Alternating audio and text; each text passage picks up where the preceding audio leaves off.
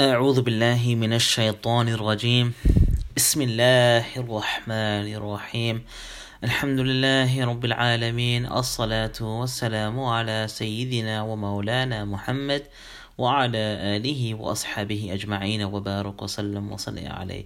سبحان ربك رب العزة عما يصفون وسلام على المرسلين. والحمد لله رب العالمين. Assalamu alaikum rahmatullahi wa barakatuhu, dear listeners. Um, you're listening to Ustaz Faraz, and you're back uh, with we're back with the guide to Ramadan. So this episode today, inshallah, we will be talking about the different types of fasts that you can keep. So all the different fasts that are within Islam, inshallah. So hope I hope that you have benefited from the other episodes um, in terms of preparing for Ramadan some tips that you could use. Um, what is Ramadan? What is fasting? And uh, if you're excused or not. So there is a lot of information, and I've tried to make it as simple as possible. So if you are writing notes, it's easy as bullet pointing them. Um,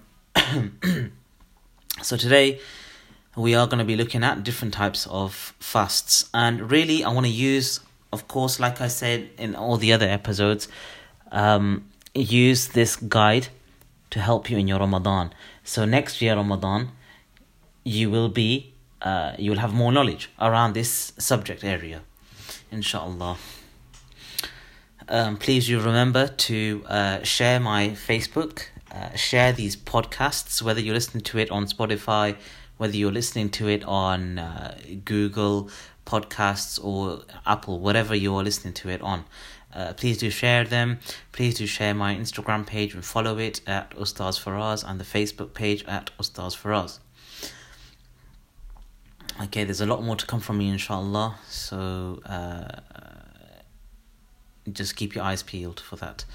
Right, so there's nine types of fasts that a Muslim can keep. Right, nine types. Number one is the specified obligatory fasts. So these are obliged upon a Muslim who, of course, uh, is under the conditions.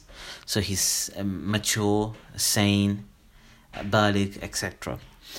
And these are specified ones. So we're talking about Ramadan here, really.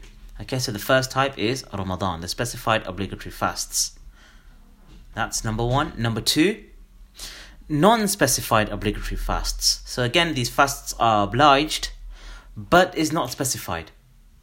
And these, when, when I say specified and non specified, I'll explain that later. Okay? Um, so you have a better understanding of what that is.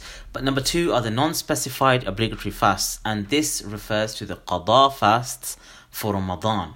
Qada you will understand in a bit more detail later on in the in the guide, in this guide. Qada fasts for Ramadan are obligatory but they're not specified. Okay? And qada simply means to make up a fast that you missed out in Ramadan for a legitimate reason. Okay? Whether you were traveling, whether you were sick, if you were pregnant, etc. Okay? That's the second type. Number three, the third type. These are your wajib fasts. These are your wajib fasts. Wajib means necessary. But this third type that we're looking at, they're specified.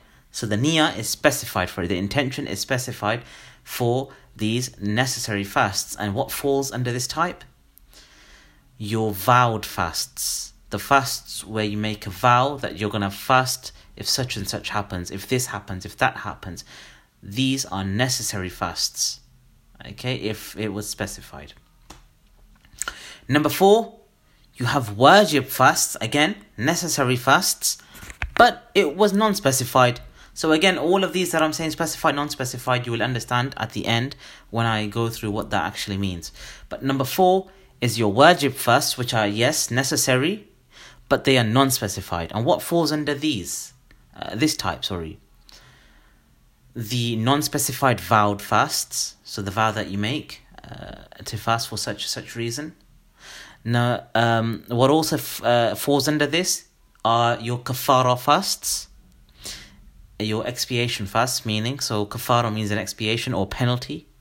Okay, uh, we, that will be explained in much more detail soon. But just to give you a little hint of what it is, expiation or kafara is where you have broken a fast on purpose and you have to fast sixty days consecutively, or you have to feed sixty poor people, uh, sixty poor people, etc. So it's all these penalties that you have to do. Okay, and a qada for your sunnah, your nafil, or your kafara fasts that you broke. So these all fall under the fourth type, the non-specified wajib fasts. Okay, let me just go through that again. So the fourth type is the non-specified wajib fasts. And there's three things that fall under this. Your non-specified vowed fasts, your kafara fasts, and the qada, the making up of your vow fast, your sunnah fast, your nafil fast, and your kafara fast that you broke. Okay, so all of these will come under that. The fifth type, the emphasized sunnah fast. So a sunnah fast which has been emphasized, right, by the Prophet Muhammad um, two things that fall under this: the ninth of Zulhijjah, which is the day of Arafah, and the tenth of Muharram, which is the day of Ashura, along with the ninth or the eleventh of Muharram. Okay, so ninth or tenth or 10th and 11th. Okay, so these are the emphasized sunnah fasts. Okay, um, so that's the fifth type. We've got nine types, remember. Okay, I will do a quick summary at the end, and I know in these episodes it will get deeper and deeper. So you, I know there will be questions that will be asked because some reason you may have a question, or for some reason I may not have explained it properly or cleared it up properly for you. Okay, so number six, recommended fasts. Fasts that are recommended that you is is good to do for you. Uh, you get reward from doing it, but if you leave it out, that's okay as well. It's fine. You won't get no punishment or anything for it. Uh, so recommended fasts. What falls what falls under this? Uh, the full moon days. Okay, in each lunar month. So basically, what we're looking at here is the 13th, the 14th, or the 15th of the month. Okay, so the full moon days. Right, these are this falls under recommended fasts. Another thing that falls under recommended fasts are the Monday and Thursday fasts. So your Mondays and Thursday fasting every week, that is recommended. Also, what's recommended? Six days of Shawwal. Okay, and it's best to form these six days consecutively rather than splitting them up in the month of Shawwal. So, three things that fall under the recommended fasts your full moon day fasts, which are the 13th, 14th, 15th, Monday, Thursday, Monday and Thursday fasts, and the six days of Shawwal, which are best to be uh, to to perform consecutively, one to six. Okay. Seventh type of fast are the nafil fasts, the voluntary fasts. Right, these are any fasts other than the ones I have already mentioned from number 1 to number 6. Okay, so the seventh type of fast is a nafil fast, an optional fast. Number 8, makruh tanzihi. These are basically fasts which are disliked. Okay, it's a type because it's there to tell you when you uh what you can can do or when you cannot do. Okay what's disliked basically. That's why it is a type. Of course you won't do this but some sometimes you may forget the ruling and you may end up doing this. All right? Uh so number 8 the type is makruh tanzihi disliked. There are two aspects to this. Hmm. Only the 10th of Muharram. So if you fast only the 10th of Muharram and you don't fast the 9th or 11th with it, then that becomes disliked. Okay, the other aspect to it is that if you continue fasting without doing iftar in the evening, without breaking your fast in the evening, that is disliked. So, yes, of course, you're not going to do these things, uh, but it may happen that 10th of Muharram you only fast for and you forget about the 9th or 11th. Yep.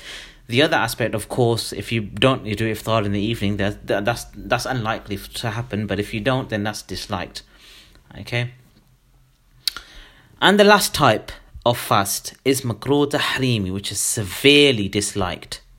Okay, severely disliked. I'm trying to put it in the simplest of English I can, uh, so you guys can understand because I want to make this guide for everyone. Okay, from all types of Muslims, from all educational backgrounds, etc. So number nine, makruh tahrimi, uh, severely disliked. There are two aspects to this. Eid al-Fitr. So if you fast on Eid al-Fitr, is severely disliked. Okay, when I say severely disliked, I mean close to haram. And the second aspect to the the ninth, the ninth type of fast is Eid al-Adha and the three days that follow. So Eid al-Fitr, Eid al-Adha and the three days after Eid. If you fast on any of these days, it's makruh tahrimi. Okay, severely disliked. So these are the nine types of fasts. Inshallah, I hope you took, I hope you benefited from these nine types. Uh, what I want to do now is clear up what specified means and what non specified means so you understand the first three or four types of fasts. Specified fast means that there's a specific time for this fast. Okay, so Ramadan, there's a specific time for it. You can't do a Ramadan fast in Zulhijjah or Zulqa'dah or in Muharram. Okay, you can't say I'm going to fast for Ramadan in another month. So, specified fast means that there's a specific time for this fast. All right, you can't intend to fast on a different day. That's what it means. A non-specified fast, and when I say when when I talked about the types which had the non-specified, Uh, which were non-specified, so non-specified wajib, non-specified obligatory, etc. What that means is there's no specific time for that fast. So the qada for Ramadan, if you have to make up a Ramadan fast because you were ill or something, that's obligatory upon you. Yeah, but it's not specified because there's no time attached to it. So you don't have to perform that fast on a specific day. You can choose when to fast. So that's what it means specified fast and non specified fast. I hope this helped and I hope you guys benefited from this.